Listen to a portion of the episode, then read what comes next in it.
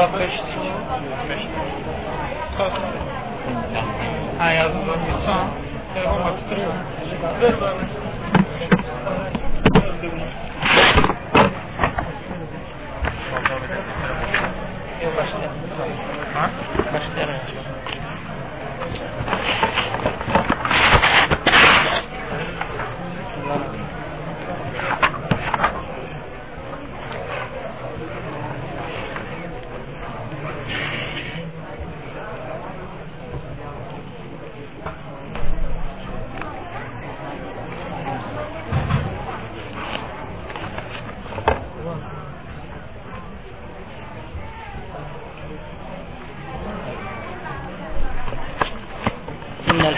الحمد لله نحمده ونستعينه ونستغفره ونعوذ به من شرور أنفسنا ومن سيئات أعمالنا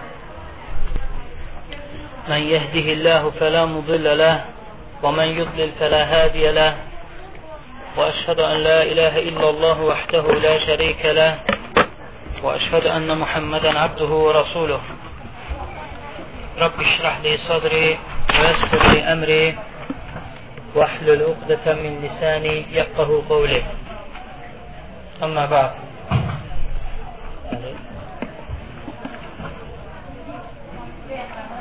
İlk olaraq özümə və sizə Allahdan qorxmağı tövsiyə edirəm. Dərsimizi inşallah tamamlayırıq. Müəllif rəhməhullah Əbu Səidin el-Xudri radiyallahu anhunun hədisini gətirir. Əbu Səidin el-Xudri radiyallahu anhu buyurur ki, Peyğəmbər sallallahu aleyhi və səlləmdən eşitdim. Peyğəmbər sallallahu aleyhi və səlləm dedi. Peyğəmbər sallallahu aleyhi və səlləm rəvayət edir.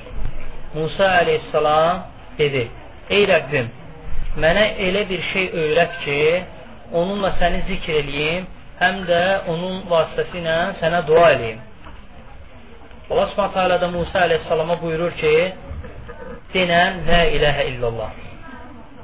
Musa aleyhissalam Allah Teala deyir ki, ey Rəbbim, hər bir qulu bu kəlməni deyir. Yəni bu elə bir yeni bir söz deyil. Allah Subhanahu taala da Musa aleyhissalama deyir ki, ey Musa, əgər 7 qat səma və onlar içində olan hər bir şey məndən başqa, həmçinin 7 qat göy tərəzinin bir gözündə və la ilahə illallah tərəzinin bir gözündə olarsa, la ilahə illallah ağır gələr. Bu hədsi Hakim bu hədsi Hakim İbn Hibbən, Nəsai Təbarani və Beyhəqqi rəvayət edib. Qeyd elədiyimiz kimi hədisdə zəiflik var. İnşallah indi hədisin şərhinə başlayacağız. Səhabə Əbu Səidin el-Xudri radiyallahu anhu bu hədisi Peyğəmbər sallallahu aleyhi və səlləmdən rəvayət edir. Əbu Səidin el-Xudri radiyallahu anhu adı Səiddir. Atasının adı Məlik, babasının adı isə Sinan olub. İslamda üz qoymuş sahabələrdəndir. Uhud döyüşü günü Peyğəmbər sallallahu aleyhi və səlləm həmin sahabəni döyüşə götürmür. Yaşı az olur ona görə. Ancaq Əbu Səidin el-Xudri radiyallahu anhu arxada mücahidlərə kömək eləyirdi. Ondan sonra Peyğəmbər sallallahu aleyhi və səlləm ilə bütün döyüşlərdə iştirak edən sahabədir. Peyğəmbər sallallahu aleyhi və səlləmin şəhəri Mədinə şəhərində hicrətin 70-ci illərində vəfat eləyir. İxtilaf var 72-dədir, 73-dədir, amma 70-ci illərində vəfat eləyir bu sahabə. Hədisi də həmin bu sahabə rəvat edir. Və buyurur ki, Peyğəmbər sallallahu aleyhi və səlləmdən eşitdiyim, Peyğəmbər sallallahu aleyhi və səlləm dedi. Yəni, Peyğəmbər sallallahu aleyhi və səlləm danışırsa, hədisdir. Bir gün Musa aleyhissalam Allah Taala'ya deyir ki, ey Rəbbim, mənə elə bir şey öyrət ki, onunla səni zikr eləyim, həm də onun vasitəsi ilə sənə dua edim. Baxın, Musa aleyhissalam Allah subhanət Taala'nın fəzilət verdiyi böyük sahabələrdən biridir. Bilirsiniz, əzəmətli, ulul əzm adlanan 5 dənə sahabə var. 5 e, dənə peyğəmbər var. Nuh, İbrahim, İsa, Musa və Peyğəmbər sallallahu aleyhi ve sellem. 5 sahabənin içində 5 e, peyğəmbərin içində Muhammed peyğəmbər sallallahu aleyhi və səlləm ən əfsəlidir. Ən əfsəlidir. Yəni insanların içində ən əfsəl insanlar peyğəmbər, peyğəmbərlərin içində bu 5-i və bu 5-inin də içində ən əfsəl olan ə, peyğəmbər də Muhammed peyğəmbərdir. Allah Allah Subhanahu taala Musa peyğəmbərə bir çox fəzilətlər verir. Hamınız bilirsiniz, yəni Allah Subhanahu taala Musaya bir çox möcüzələr və bir çox fəzilətlər verir. Musa əleyhissalam Allah Taala ilə danışan peyğəmbərlərdəndir. Yəni Allah Taala ilə birbaşa arada vasitə olmayaraq danışan peyğəmbərdən biridir. Həmçinin Muhammed sallallahu aleyhi və səlləm də Meyrac günü Allah Taala ilə birbaşa danışır, vasitəsiz danışır. Ancaq Peyğəmbər sallallahu aleyhi və səlləmlə yanaşı ikinci Peyğəmbər, yəni daima danışan Musa aleyhissalamdır. Allah Taala ilə daima vasitəsiz olaraq danışırdı. Həmçinin Musa aleyhissalama verilən kitab, Tövrat kitabı da Allah Taalanın öz əli ilə yazdığı kitabdır. Bu da Musa əleyhissalama verilən böyük fəzilətlərdən biridir. Musa əleyhissalama verilən böyük fəzilətlərdən biridir. Həmçinin Musa əleyhissalamın qövmü bizim ümmətdən sonra ən çox çoxluğuna görə ən böyük ümmətdir. Necə ki, gələcək dərsimizdə gələcək, inşallah o hədsi götürəcəyik. Peyğəmbər sallallahu aleyhi və səlləm buyurur ki, qiyamət günü Peyğəmbər gələcək yanında heç ona qədər sahab, ə, e, ona qədər tərəfdarı olmayacaq. Və deyir, elə Peyğəmbər gələcək ki, yanında iki nəfər olacaq. Elə Peyğəmbər gələcək, yanında bir nəfər. Elə Peyğəmbər gələcək ki, yanında heç kəs olmayacaq. Sonra deyir, mənə böyük bir toplum gö göstərildi. Mən də dedim ki, bu mənim qövmümdür. Mənə dedilər, yox, bu Musa və onun qövmüdür. Musa və onun qövmüdür. Sonra deyir, ondan da böyük bir toplum, üfüqü bağlayan bir toplum göstərildi. Mənə dedilər ki, budur sənin qövmün. Onların içində 70 min nəfər cənnətə sorğu sualsız girəcəkdir. Allah Taala'dan istəyirəm ki, bizi də onlardan eləsin. Amin. Həmçinin Musa əleyhissalamın fəzilətindən Quran-ı Kərimdə bizim oxuduğumuz Quran-ı Kərimdə bizə göndərilən Quran-ı Kərimdə ən çox hekayəsi zikr edilən peyğəmbərdir. Həmçinin ən çox adı çəkilən peyğəmbərdir. Ən çox onun hekayəsi zikr olunur. Həmçinin də ən çox peyğəm Musa əleyhissalamın, Musa peyğəmbərin adı zikr olunur Quran-Kərimdə, peyğəmbərlərin içində. Kim bilir deyə bilər nə neçə dəfə zikr olunur?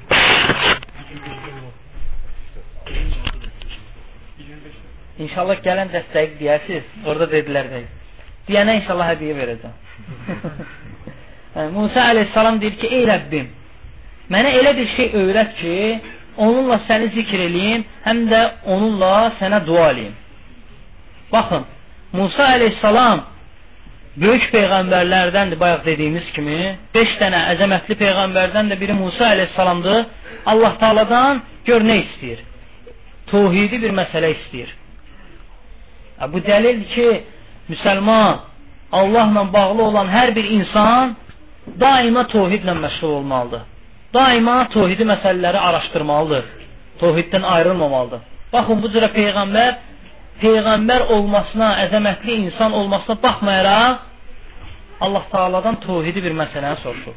Bir mənə elə bir şey öyrət ki, onun vasitəsilə səni zikr eləyim, həmçinin onunla sənə dua eləyim. Zikr barəsində biraz geniş danışdıq keçən dərsimizdə. Və deyir, onun vasitəsilə də sənə dua eləyim.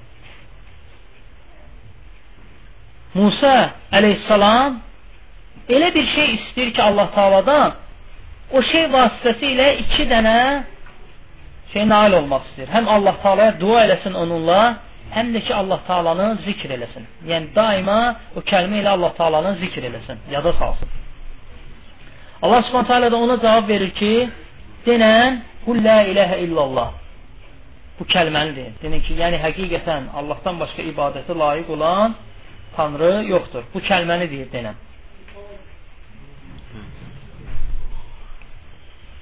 Allah Taala'nın belə deməyi bu kəlmənin əzəmətini bildirir. Sonra Musa əleyhissalam təzədən Allah Subhanahu taala'ya müraciət edərək buyurur ki: "Ey Rəbbim, hər bir qulun bu kəlməni deyir. Yəni hər bir səni yad edən qulun bu kəlməni deyir. Mənə elə bir şey öyrət ki, yəni təkcə bu şeyi mənə verəsən. Çünki insan təbiətindendir ki, insana bir şey verildikdə hansı o şey ki ancaq tək ona verilir, insan elə sevinir ki, yəni sevincinin həddi hududu olmur. Musa əleyhissalam burada demək istəmir ki, bu elə bir kəlmədir, hər bir qulum, qulum bunu deyir. Yox, sadəcə deyir ki, mənə elə bir şey ver ki, onunla məni xüsusiləşdir. Allah subhanət hələ Musa əleyhissalama buyurur ki, ey Musa, əgər yetdi qat səma və onun içində olan hər bir şey və həmçinin yetdi qat yer tərəzinin bir gözündə və la iləhə illallah bir gözündə olsa, la iləhə illallah ondan ağır gələcək. Yəni Allah Taala Musa əleyhissalama deyir ki, mən sənə nə, nə elə nə istəsən versəm də bu kəlmənin əvəzini ödəməyəcək. Sən istədiyin şeyin ən başında duran bu kəlmə bu kəlmədir. La ilahe illallah kəlməsidir. Yəni bundan üstün bir şey yoxdur ki, mən sənə verim. Bu da bu hədsin həmçinin la ilahe la ilahe illallahın əzəmətini bildirir. Burada Allah Subhanahu buyurur ki, 7 qat səma və onlar içində olan hər bir şey tərəzinin bir gözündə ə, və həmçinin də 7 qat yer tərəzinin bir gözündə olsa və la iləhə illallah tərəzinin bir gözündə olsa, la iləhə illallah ağır gələcək. Allah Subhanahu taala Qurani-Kərimdə dəfələrlə qeyd edir ki, yerin, e, göyün 7 təbəqəsi var. Yəni biz bilirik ki, yer 7 qatdır. Həmçinin bu hədisdə dalalət eləyir. Ancaq e, səma 7 qatdır. Ancaq yerin 7 qat olması barədə Quran-ı Kərimdə bir şey qeyd olunmur. Təkcə bir surada Talaq surasının 12-ci ayəsində Allah Taala buyurur ki, Allah Subhanahu taala yeri, e, səmanı 7 qat yaratdı və yeri də onun kimi yaratdı. Bu işarədir ki, yer də 7 qatdır. Ancaq hədislərdə çox gəlib. Səhih hədislərdə Müslim rəvayət elədiyi hədisdə və yaxud yəni səhih hədisdə çoxdur ki, yer də 7 qatdır. Ona görə bu hədis özü də zəif olsa da dəlalət edir ki, Allah Subhanahu taala buyurur ki, 7 qat səma, onun içində olan hər bir şey və həmçinin 7 qat yer tərəzinin bir gözündə və la ilahə illallah tərəzinin bir gözündə olarsa, la ilahə illallah ağır gələr. O la ilahə illallahın fəzilətini bildirir. La ilahə illallahın fəzilətini bildirir. Qeyd elədiyimiz kimi bu hədsi İbn Hibban həkim rəvayət eləyib və səhiləşdiriblər bunlar. E, səhih və həkim səhiləşdirib hədisi, deyir ki, hədis səhihdir. Həmçinin rəvayət edənlərdən Nəsai, Tabarani və Beyhəqqidir. Ancaq necə ki mühəddislər qeyd eləyib bu hədis zəif hədisdir. Hədis zəif hədisdir.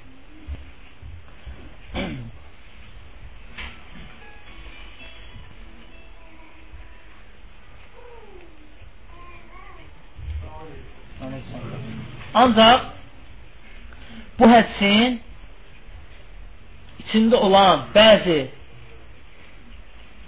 sözlər var ki, onlar səhihdir. Necə səhihdir? Ayrı hədisdə bu hədisin yəni bu ayrı-ayrılıqda kəlmələrin səhih olmasına, mənasının səhih olmasına dəlalət edən səhih hədislər var. Necə ki, Abdullah ibn Əmr radiyallahu anhu rəvayət edir ki, Peyğəmbər sallallahu aleyhi və səlləm buyurdu. Nuh aleyhissalam oğluna öldüyü zaman deyir, mən deyir sənə la iləhə illallahı əmr edirəm. Yəni, la iləhə illallah kəlməsindən tutmağı, ona əməl eləməyi əmr eləyirəm. Deyir, əgər deyir, 7 qat səma, həmçinin 7 qat yer tərəzinin bir gözündə və la iləhə illallah kəlməsi tərəzinin bir gözündə olarsa, la iləhə illallah kəlməsi ağır gələr. Bu hədis səhih hədisdir. Hədisi Əhməd, həmçinin Buxari Ədəb-ül Mufrad kitabında, həmçinin hər kim rəvayət edir. Hədis səhih hədisdir. Bu həmən sözə, bu zəif hədisdə qeyd edilən sözə dəlalət eləyir. Yəni ki, mənası düzdür. Həmçinin ə, e, digər bir hədis də var. Ə, e, yenə hədis Abdullah ibn Amrdan gəlir. Rəvayət edir ki, Peyğəmbər sallallahu əleyhi və səlləm buyurdu. Dedi ki, ən xeyirli dua ən xeyirli dua Arafa günü edilən duadır. Ən xeyirli dua Arafa günü edilən duadır. Doğrudan da həqiqətən də belədir. Kim ki həcdə olub, Arafada dua edib, o insanlar, o qardaşlar bu şeyi gözəl bilirlər. Bir ən deyir, xeyirli dua Arafa günü edilən duadır. Və sonra buyurur ki, Peyğəmbər sallallahu aleyhi və səlləm ən gözəl kəlmə də mən də məndən qabaq gələn bütün peyğəmbərlərin də dediyi sözdür. La ilahe illallah vahdehu la şerike le lehul mulk ve lehul hamd və hu ala kulli şeyin qadir. O sözdür.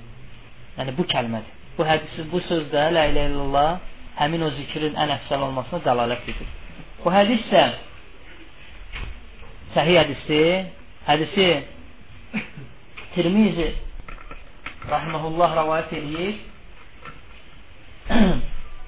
Və Şeyx Albani buyurub ki, hədis həsəndir. Yəni, hədisi həsənləşdirib. Əməlinə görə həsənlə səhiy arasında fərq yoxdur. Və bilsək ki, hədis səhihdir, əməl eləyirik. Bilsək ki, hədis həsəndir, yenə də əməl eləyirik. Zəif uydurma heç onları əməl eləmirik. Amma Şeyx Albani bu hədis barədə buyurub ki, hədis həsəndir. Şeyx Albani, yəqin ki, hamınız eşitmişsiniz, müasir alimlərdəndir. Yəni, İslamda iz qoymuş böyük alimlərdən biridir. Yaxın zamanlarda vəfat eləyib. Onun qoyduğu işlər həddindən artıq çoxdur. Yəni, indi biz onun kitabından istifadə eləyirik, nə qədər kitablarından. Onun vasitəsilə bilirik ki, hədislər yəni həsən, həsəndir, səhihdir, zəifdir, uydurmadır, bilirik. Ancaq yəni tək ona biz arxadan, yəni tək onu götürmürük. Bəzi alimlərin rəyinə də baxırıq. Əslən heç Albani ərəb də deyil. Albaniyada olub. Albaniyada doğulub, Albandır. Atası da yəni İslam ailəsində göz açıb doğulub, Albaniyada yaşayıblar. Təxminən Albaninin 15-16 yəni, çoxdan oxumuşam, dəqiq yadımda deyil. 15-16 yaşı olanda vəziyyətləri çətin olduğu üçün atası ailəsini də götürərək hicrət edilir Suriyaya. Və atası orada məscidin böyüyü olur, imam olur.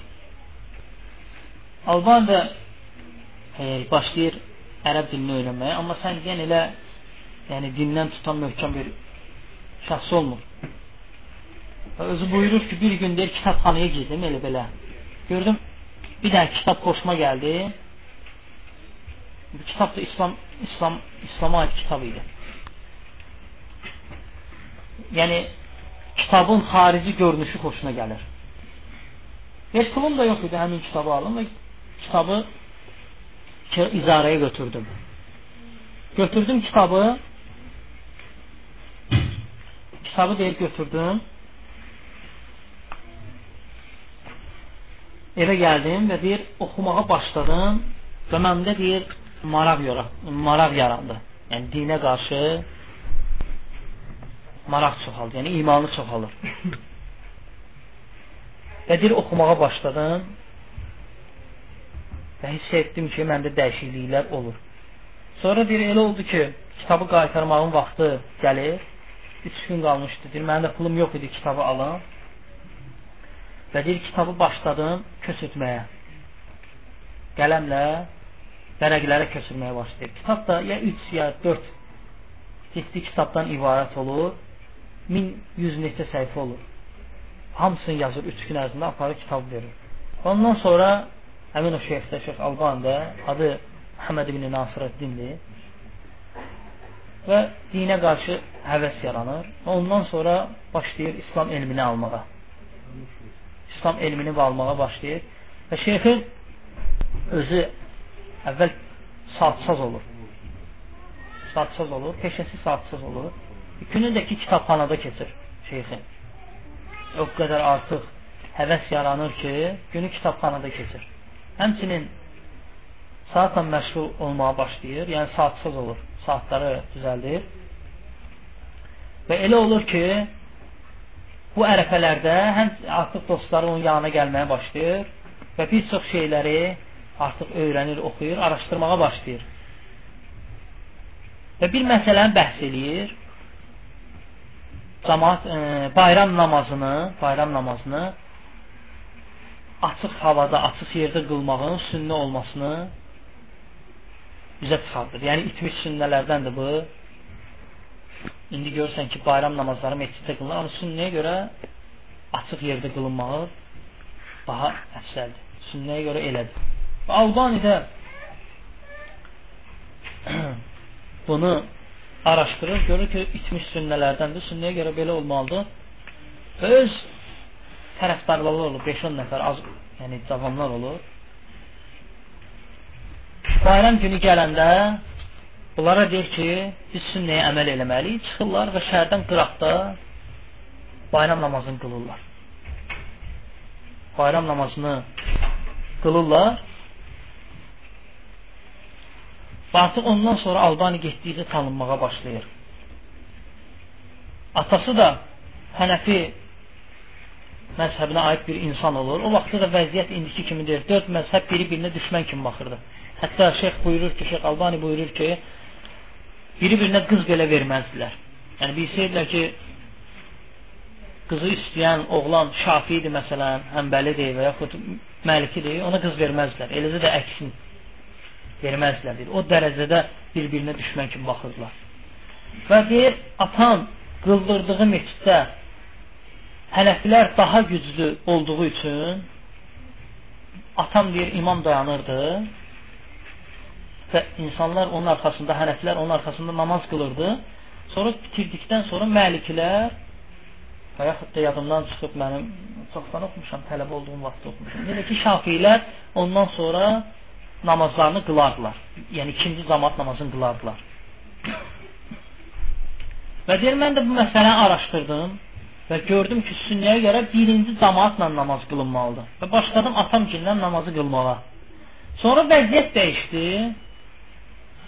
Yəni hənəflər zəiflədilər, məliklər və yaxud da şafilər onlar deyir birinci məsciddə namazı qılmağa başladılar. Onlar bitirdikdən sonra hənəflər artıq namazı qılmağa başladılar. Yəni atam gil. İmam dayanırdı hənəflərdən və namazı qılırdılar. Və mən də bir araşdırmışam, haqda odur ki, birinci imamla namaz qılınmalıdır. Və mən də başladım həmin onlarla namazı qılmağa.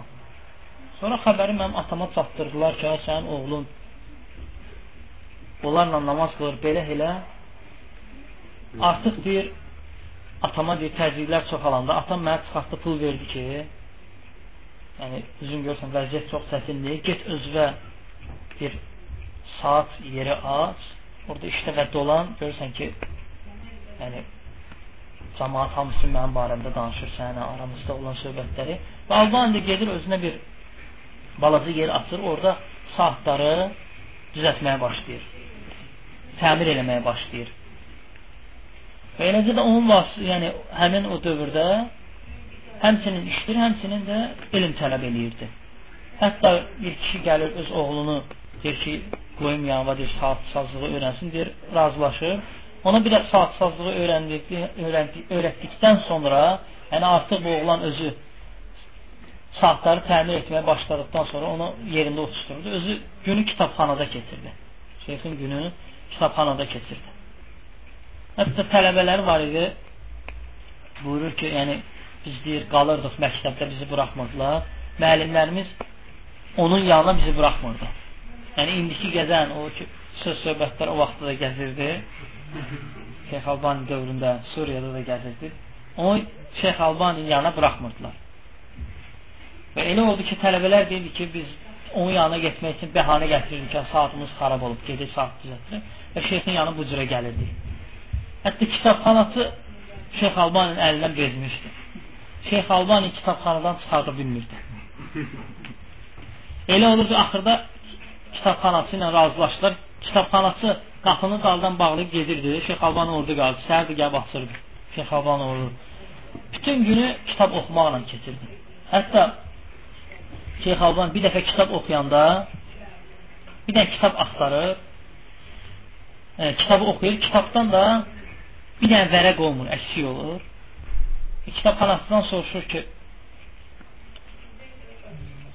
yəni kitabın vərəqi hardadır? Deyir ki, mən deyir, yadımdan çıxıb deyir, hansı kitabın içinə qoymuşam. Şeyx Albani bütün o kitabxana oxuyur. Kitabxanada nə qədər kitab hamısını oxuyur. Hətta bir pilləkana çıxırdı. Elə olurdu, elə kitaba girişirdi ki, elə olurdu 8 saat ayaq üstə o pilləkana üstündə dayanıb kitab oxuyurdu. Yadımdan çıxırdı. Bir kitaba başlayırdım, bir də gördüm ki, kitabın da axırına çıxmışam deyir. Yəni o cürə şeyx elmə meyilli olub. Yəni həyatı da bütün imtahanlarla keçib. Allah Subhanahu taala sevimli bəndələrini, peyğəmbərləri, onun arxasınca gələnləri görürsüz necə imtahana çəkir. Necə peyğəmbər sallallahu buyurur ki, ən böyük bəlanı bir peyğəmbərlər çəkər, sonra bir onların arxasınca gələnlər, sonra onların arxasınca gələnlər. Şeyx Albani də həyatı elə olub, bütün fitnə içində olub, imtahan içində olub. Ora gedib, oradan qovulub, bura gedib, hamısı da dəvət üstündə. Yəni o cürə iz qoyur Şeyx Albani. Hətta biz Mədinədə olanda böyük şeyxlərdən biri danışdı. Dedi ki, e, yuxuda deyir, gördüm Şeyx Albani e, gördüm ki, Allah subhanət hələ onu bağışlayıb. Dedim, sən nəyə görə Allah taala bağışladı? Dedi ki, mənə deyir, Əbu Davudu, yəni səhih hədislərini ayırdığıma görə, yəni səhih zəifdən, zəif səhih, səhihdən ayırdığıma görə Əbu Davudu. Bu əməlimə görə deyir, mənə bağışlayıb. Müjdət, yəni Həmçinin bilirsiniz, keçən də danışmışam o qızın zənginə. Yəni, hamısı bunlar müjdədir şeyxdir.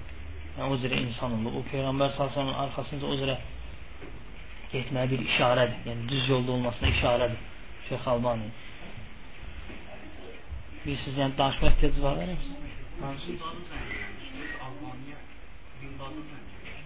Yəni bunu keçən dəfə danışmışam, indi qısa danışım. Qız yəni zəng edib suallar verirlər. Bir dənə də qız zəng deyir ki, şeyx yuxu görmüşəm, onlar danışır. Bir dənə danış. Biz ona yuxusunu danışır. Şeyx Albaniya bir ki gördüm deyir peyğəmbər yəni rəfiqəmlə dayanmışam və peyğəmbər sallallahu əleyhi və səlləm gedir. Bir dənə də ağ saqqallı nurani bir kişi onun peyğəmbər sallallahu addımlarını izləyir. Peyğəmbər sallallahu hara addımlarını qoyubsa, Şeyx ə, e, həmin o nurani kişi də addımlarını ora qoyaraq peyğəmbərin arxasınca gedir. Yəni bu yuxu barədə nə burarsan? Şeyx Alban da tərifləyir ki, o insanı müjdəliyin ki, həmin insan xeyr içindədir. Peyğəmbər sallallahu düz arxasınca gedən şəxslərdəndir. Bir, mən e, qadın deyir ki, şeyxdir, mən deyir, Padruqamdan soruşdum ki, o kimdir? Padruqam buyurdu ki, o sənsən deyir, Şeyx Albani, bizim şeyximiz. Şeyx Albani ağlayır, dərsi də keçmir, tələbələrinə buyurur ki, dağılın, dağılın, insaf edir. Yəni bu, bu cürə insanlar üçün müjdədir.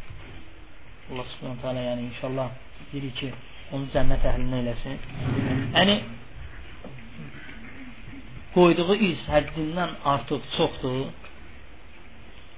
İslamda böyük iz qoyub. Hətta Peyğəmbər sallallahu əleyhi və səlləm buyurur ki, hər 100 ilin başında bir dənə alim gəlir, dini təzəliyən bir alim gələcək. Yəni yeniliklə gələn bir alim olacaq. Əksər alimlər də deyir ki, həmin bu əsrin də alimi Şeyx Albanidir. Onun qoyduqları göz qabağındadır. İndi bu dəqiqə əksər elm tələbələri onun qoyduğu kitablardan istifadə edərək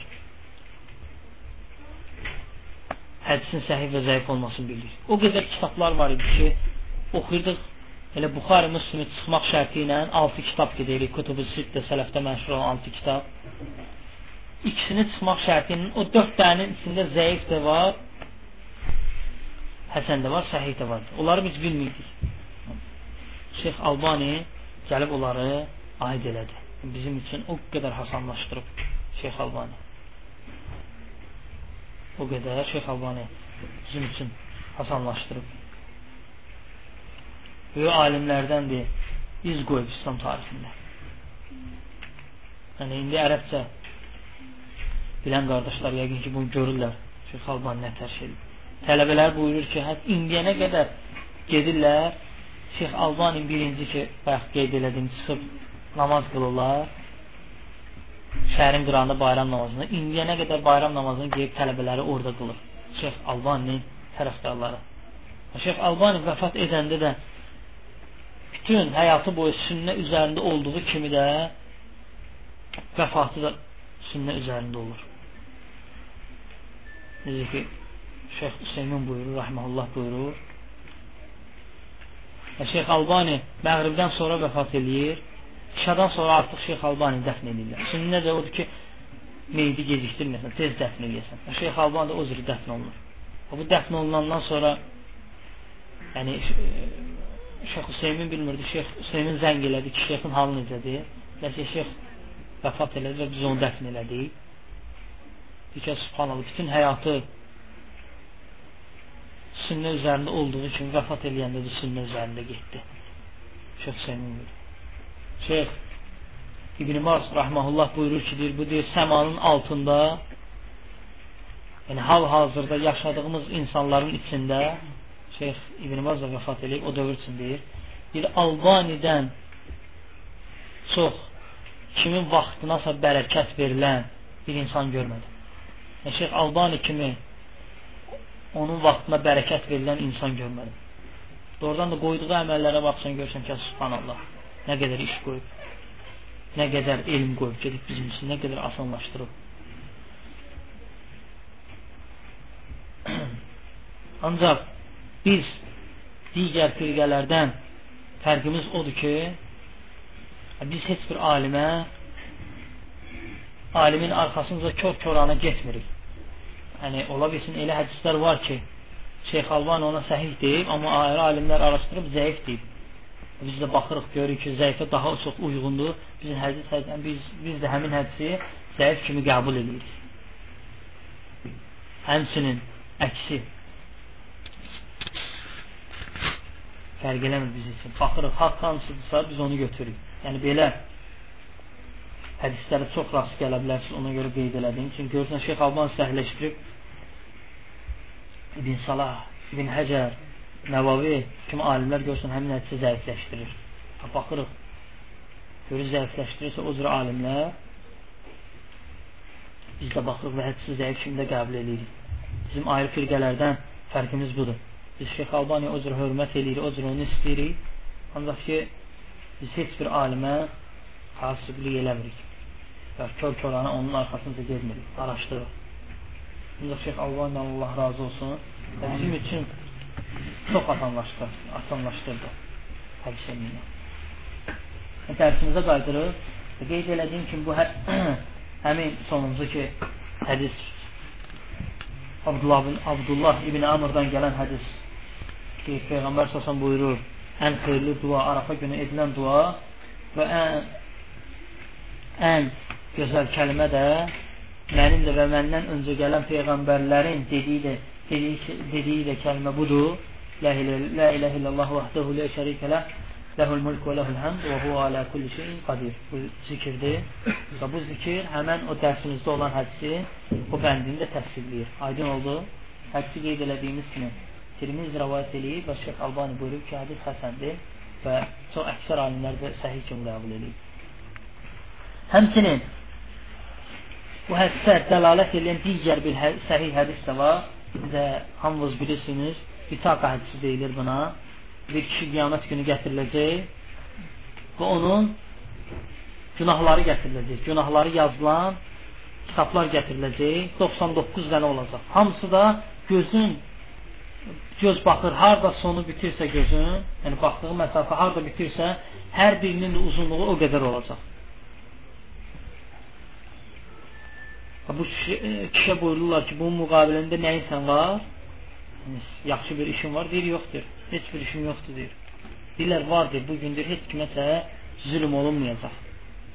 Və bir dənə onun kəlməsini çıxardılar və ilə illallah Muhammed Rasulullah bu yazılan kəlməni çıxardılar və onun 99 sizirləsin tərəzinin bir gözünə və bu kəlməni bir gözünə qoyurlar, bu kəlmə ağır gəlir.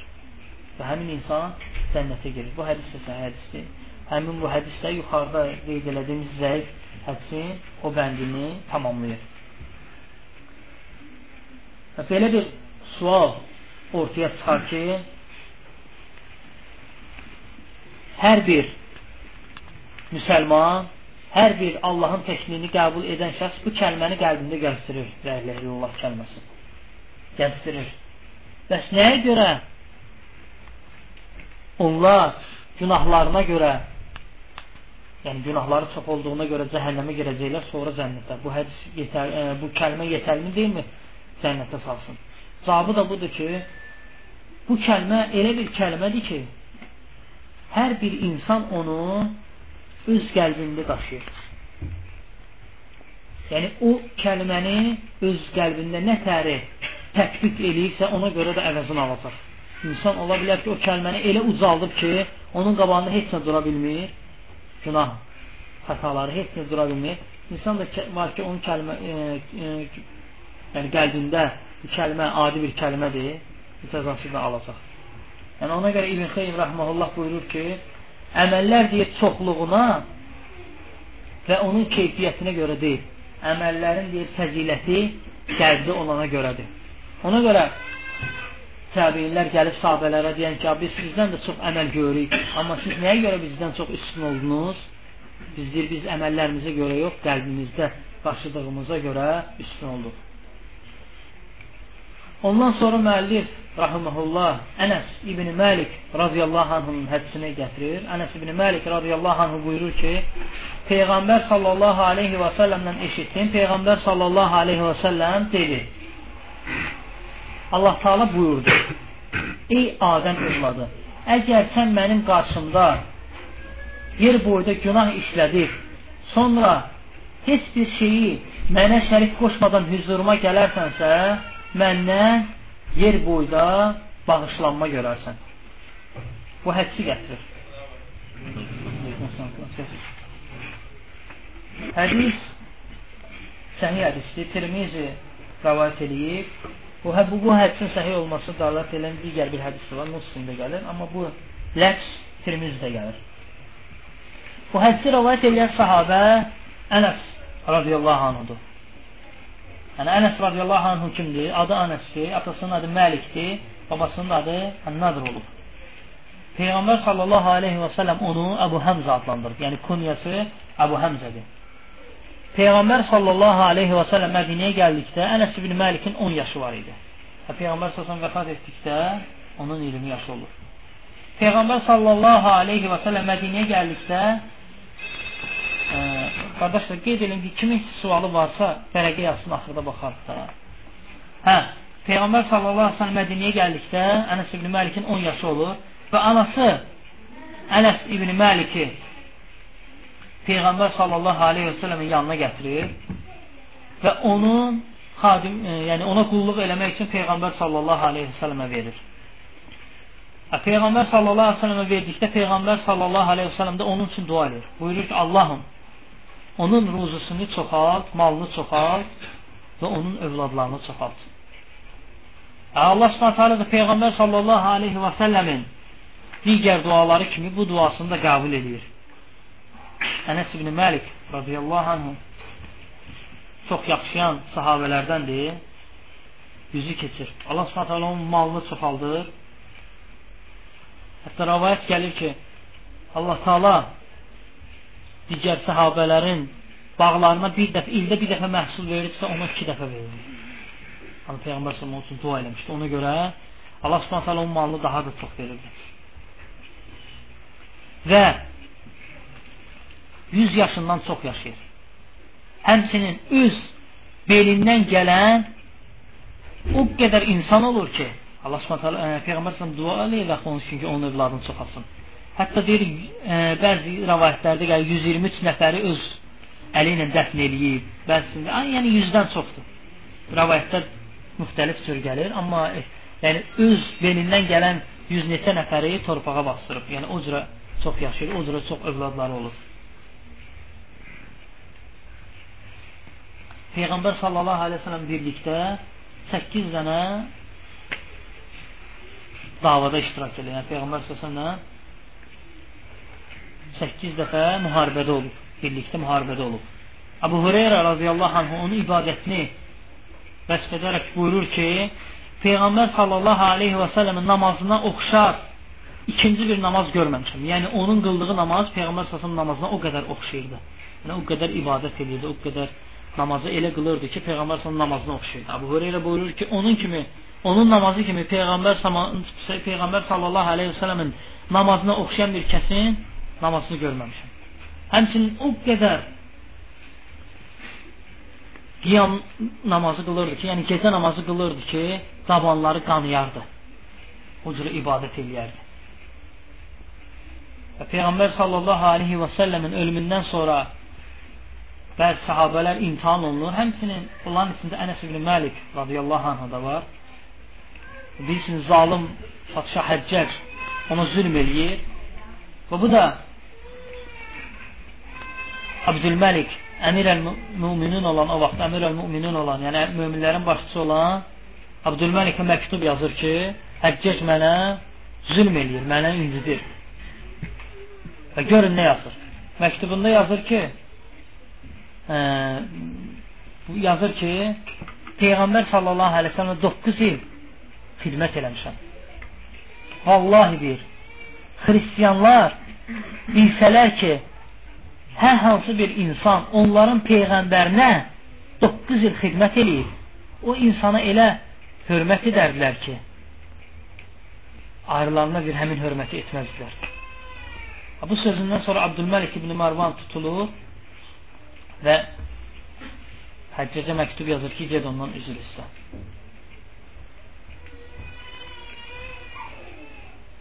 Hicrətin 82-ci ilində 103 yaşında vəfat edir. Həmin Ənəs ibn Məlik radiyallahu anh. Ənəs ibn Məlik radiyallahu anh buyurur ki, Peyğəmbər sallallahu aleyhi və səlləmdən eşitdiyim Peyğəmbər sallallahu dedi. Allah Taala buyurdu. Əgər hədisdə zikr olunursa, Peyğəmbər sallallahu aleyhi ve sellem deyirsə ki, Allah Taala buyurdu, demək bu hədis nə adlanır? Qudsi hədis adlanır. Yəni, qudsi hədis nədir? Qudsi hədis odur ki, ləfsi Peyğəmbər sallallahu aleyhi və səlləmdəndir, ancaq mənası Allah Taaladandır. Bu qudsi hədis adlanır. Qurandan fərqi odur ki, Quranın ləfsi də Allah Taaladandır. Ancaq qüdsə hədisin e, Quran-ı Kərimin ləfsi də Allah Taaladandır, mənası da ancaq qüdsə hədisi yox. Mənası Allah Taaladandır, ancaq ləfsi Peyğəmbər sallallahu aleyhi və səlləmdəndir. Yəni bunlar arasında çoxlu fərq var. Qudsi hədislə Quran-ı Kərimin arasında fərqlər var. E, qeyd elədiyim kimi bu birinci fərqdir ki, Qudsi hədisin mənası Allah Taaladandır, ancaq ləfsi Peyğəmbər sallallahu əleyhi və səlləmdəndir. Quranın isə ləfsi də, mənası da kimdəndir? Allah Subhanahu taaladandır. Sonra digər fərqlərindən də biri budur ki, Quran avazla oxunur. Ancaq qüdsi hədis yox. Həmsinin fərqlərindən necə? fərqlərindən də biri odur ki, Quranı oxuduqda hər hərfinə görə 10 savab var, ancaq qüdsə hədisdə yox. Yəni, hər hərfinə görə 10 savab yoxdur. Həmçinin fərqlərindən də biri odur ki, Allah subhanət hələ Quranı qorumağı özü vəd edir. Necə ki, Hicr surəsinin 9-cu ayəsində buyurur, İnnə nəhnu nəzzəlnə zikrə və innə ləhu ləhafizun. Biz, biz deyir, zikri nazil elədik və biz də onu qoruyacaq. Yəni Quranı qoruyacaq. Ancaq qüdsə hədsi qorumağı vəd eləmir. Ona görə onların içində səhih, səhih olanı da var. Həsən olanı da var, zəif olanı da var, uydurma olanı da var. Qüdsə hədislərin içində.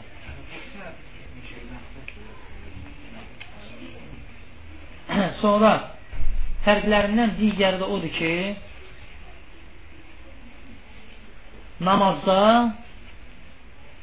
özünüz bilirsiniz, Quran oxuyuruq, ancaq qüdsə hədisləri oxumaq olmaz. Bu da fərqlərindən biri odur. Sonra fərqlərindən də biri odur ki, Quran ayəsini rəvayətlə, yəni, məna ilə rəvayət eləmək olmaz. Ancaq qüdsə hədisləri ixtilaf olsa da əksər alimlər deyir ki, yəni düzgün rəydə biri məna ilə rəvayət eləmək olar. Sonra fərqlərindən də biri odur ki, Qurana pak olmadan toxunmaq olmaz. Ancaq qüdsə hədislərə pak olmasan belə toxuna bilərsən. Yəni, cünublu halda olsan, Quran oxuya bilmərsən, toxuna bilmərsən, ancaq qüdsə hədislərdə yox, elə deyil. Sonra fərqlərindən biri də odur ki, yəni, kim ki, Qurandan bir şey inkar eləyərsə, küfr etmiş kafir olur. Ancaq qudsi hədisdən nə isə bir şeyi inkar eləyərsə, səhih olub inkar eləyərsə yox ha. Etiqad eləyir ki, zəifdir. Uydurmadır, etiqad eləyir, amma səhih səhih bir şeyi etiqad eləyir ki, zəifdir və yaxud uydurmadır, inkar eləyirsə, həmin insan kafir olunur. Bu qudsi hədisdən Quran ayəsində olan bəzi fərqlərdir. Bu hədisdə Allah ə, bu hədisdə də Peyğəmbər sallallahu buyurması ki, Allah Taala dedi, dəlalət edir ki, bu qudsi hədisdir. Allah Subhanahu taala buyurur ki, ey Adəm övladı. Ey Adəm övladı. Əgər sən mənim qarşımda yer boyda günah işlədib, sonra heç bir şeyi mənə şərik qoşmadan hüzuruma gələrsənsə, məndən yer boyda məğfirət, məğfirət, yəni bağışlanma görərsən. Bu hədisdə La iləhə illallahın La iləhə illallah kəlməsinin fəzilətinə dəlalət edən əzəmətli hədislərdən biridir. Hədisdə qeyd olunur ki, mənə heç bir şey şərik qoşmadan hüzuruma gələrsənsə, məndən yer boyda, dağ, yer boyda bağışlanma görərsən. Allah Subhanahu buyurur. Bir dənə şərt qoyur Allah Taala. Mənə şərik qoşmadan qabağıma gələrsənsə, sən günahların yer boyda olsa mən onu bağışlayaram. Çox şərt qoymur Allah Taala. Bir dənə şərt qoyur. Ancaq ki, çox çətin şərt qoyur Allah Subhanahu Yəni mənə heç bir şey şərik qoşmadan gələrsənsə Allah Subhanahu həmin insanı bağışlayır. Fərqi yoxdur. İstir şirk balaca olsun, istəyir də böyük, böyük şirk olsun. İstəyir az olsun, istəyir çox olsun, fərqi yoxdur. Bunların heç birini eləməsən, Allah Taala'nın qabağına çıxsan, Allah Subhanahu taala həmin insanın bütün günahlarını bağışlayacaq. Ancaq bayaq dediyim kimi çox çətin şərtdir. Nəyə görə? Çünki çox insan dindirəndə deyir ki, mən müsəlmanam, müşrik deyiləm. Nə deyiləm? Allaha şərik qoşmuram. Ancaq biz Quran və sünnə gözündən baxanda görürük ki, çox insanlar belə deyil. Acizə bir Peyğəmbər sallallahu necə hədisdə qeyd edir? Bəzi insanları dinarın qulu adlandırır. Dirhəmin qulu adlandırır. Bunların məhv olmasını xəbər edir. Adi insan dünya malı ilə Allaha şərik qoşa bilər dünya malına bağlanırsa, onun qulu olur və Allaha şərik qoşmuş olur. Və desə ki, Allah Taala təkdir, şəriki yoxdur, elə-elə əməlində Allah Taalaya şərik qoşmuş olur. Ona görə bu çətin şərtdir. Allah Subhanahu taala Qurani Kərimdə buyurur ki: "Əfəmən ittəbə iləhəhu və vəhu" bəyəm deyir, sən deyir, ağıllarını ilah götürənləri görmüsənmi? Yəni insanlar nəyisə bir şeyi üstün tutub o şeyin arxasınca gedirsə, həmin şey Allah Taala şərik qoşmuş olurlar. Və ona görə bu şərt ki, Allah Subhanahu taala bu hədisdə qeyd eləyir, heç bir şeyi, heç bir şey istər bayaq dediyim kimi fərqi yoxdur. İstir az olsun şirk, istir çox olsun fərqi yoxdur. İstir balaca şirk olsun, istir böyük fərqi yoxdur. Bunların heç birini eləməsən, Allah Subhanahu taala qabağına çıxsan, bu kəlmə ilə Allah Taala həmin insan bütün günahlarını bağışlayır. Ancaq qeyd elədiyim kimi Yəni, çox çətin şərtdir. Allah Taalaya bu cürə şərik qoşmadan qabağına çıxmaq, heç bir şeyin tək Allahın qulu olub qabağına çıxmaq çətindir. Sonra hədisin axırında deyir ki, Allah Taala məndən yer boyda bağışlanma görərsən. Bu hədis özü İslamda böyük hədislərdən biridir. Nəyə görə? Bu hədis həm xavariclərə, həm də muətəzillərə rəddir. Rəddir. Necə rəddir? Xavariclər günaha görə insanları kafir görürlər. Amma burada Allah subhanətə alə hədisdə qeyd edir ki, yer boyda günah işlədir. Ancaq onu bağışlamağı dəlalət olunur ki, o insan kafir olmaya bilər. Yəni, hər bir insanın günahına görə hər bir insan günahına görə ona kafir demək olmaz. Bu hədis dəlalət edir. Allah Subhanahu taala kafiri bağışlamayacaq. Necə ki bütün Quran ondan bəhs edir. Ancaq bu hədisdə qeyd edir ki, Allah Taala ona şərik qoşmayanı günahla nə qədər günah eləsə də gəlsə bağışlayacaq. Həmçinin bu hədis Mu'təzillərə də rəddir. Mu'təzillər nə deyir? Hər insan böyük günah eləyirsə, Mu'təzillər deyir ki, həmin insan bu dünyada fasiqdir, axirətdə isə əbədi olaraq cəhənnəmlikdir. Bu hədis də dəlalət edir ki, Allah Subhanahu bağışlayır, bağışlayır ona. Ona görə bu hədis də həm Mu'təzillərə, həm də Xavariclərə rəddir. Ən düzgünü isə əhl-i sünnənin dediyi kimidir. İnsan mömindir, yəni iman gətirib mömindir. Müsəlmandır. Ancaq günahına görə asi ola bilər. Həmin insana deyirik ki, müsəlmandır, ancaq ki, asidir. Və yaxud da ayrı bir adla onu çağırırıq ki, deyirik ki, fasiqdir günahına görə. Və yaxud da deyirik ki, imanına görə mömin, əməlinə görə isə fasiqdir. Bu üçü də, bu ləfslərin üçü də sələfi, sələflərdən varid olan ləfslərdir.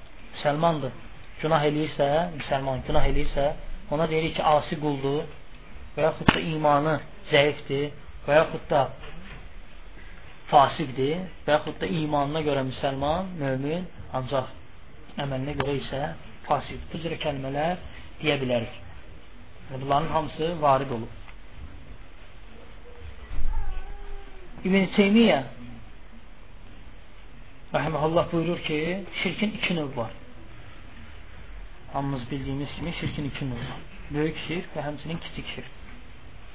Buyurur ki, kim ki bunların ikisindən də qurtularsa, yəni Allahın qabağına çıxdıqda nə kiçik şirk, nə də böyük şirk eləməyib, Allahın qabağına çıxarsa, həmin insana cənnət vacib olar.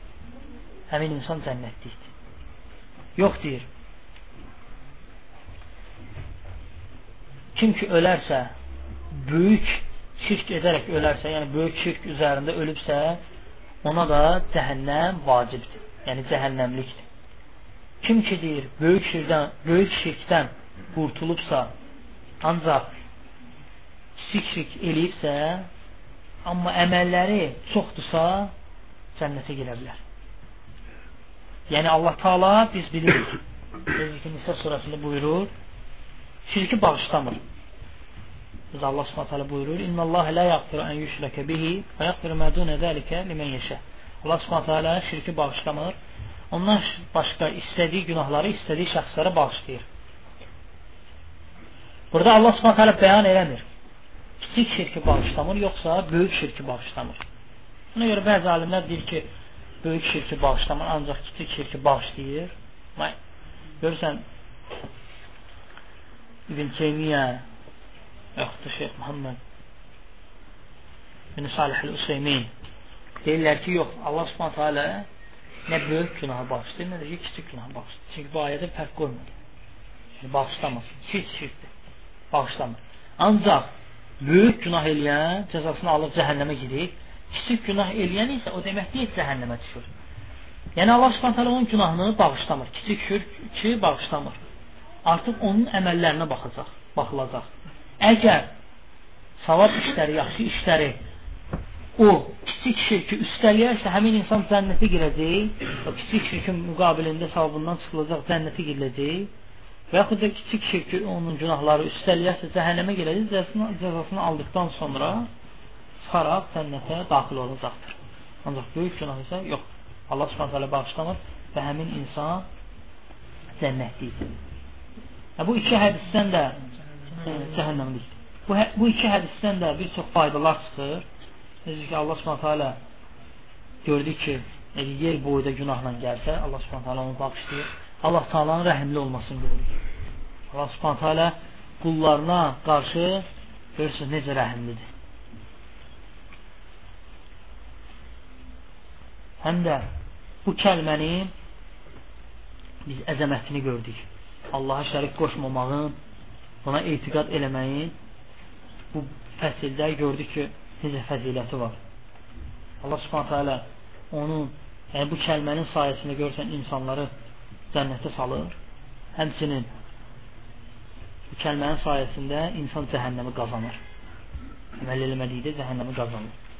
Bu kəlməyə görə bütün peyğəmbərlər gəlib. Bütün peyğəmbərlərin göndərilməsinin səbəbi məhz bu kəlmədir. Həmçinin bildik ki, yerin də göy kimi 7 dənə qatı var. Yəni qeyd elədik ki, Allah Subhanahu taala Qurani Kərimdə bəyan eləməyib yer, yerin neçə qatı var. Bir dənə Talaq surəsinin 12-ci ayəsində işarə eləyir ki, Allah taala 7 səmanı yaratdı və yeri də onun mislində, yəni onun kimi yaratdı. Bu ayə dəlildir. Ancaq hədislər həddindən artıq çoxdur ki, bu bayaq qeyd elədiyimiz hədislər də var. Da hədis səhih Müslimdə də gəlir. Yerin də 7 dənə qatı vardır. Və Allah çoxlu şükürlər olsun ki, bu fəsli də qutardıq. İnşallah gələn dərsimizdə yeni fəslə daxil olacağıq. E, çox maraqlı hədislər var. Yəni əzəmətli hekayə var. İnşallah gəlin dərsimizin şərhini. Sallallahu əleyhi və səlləm.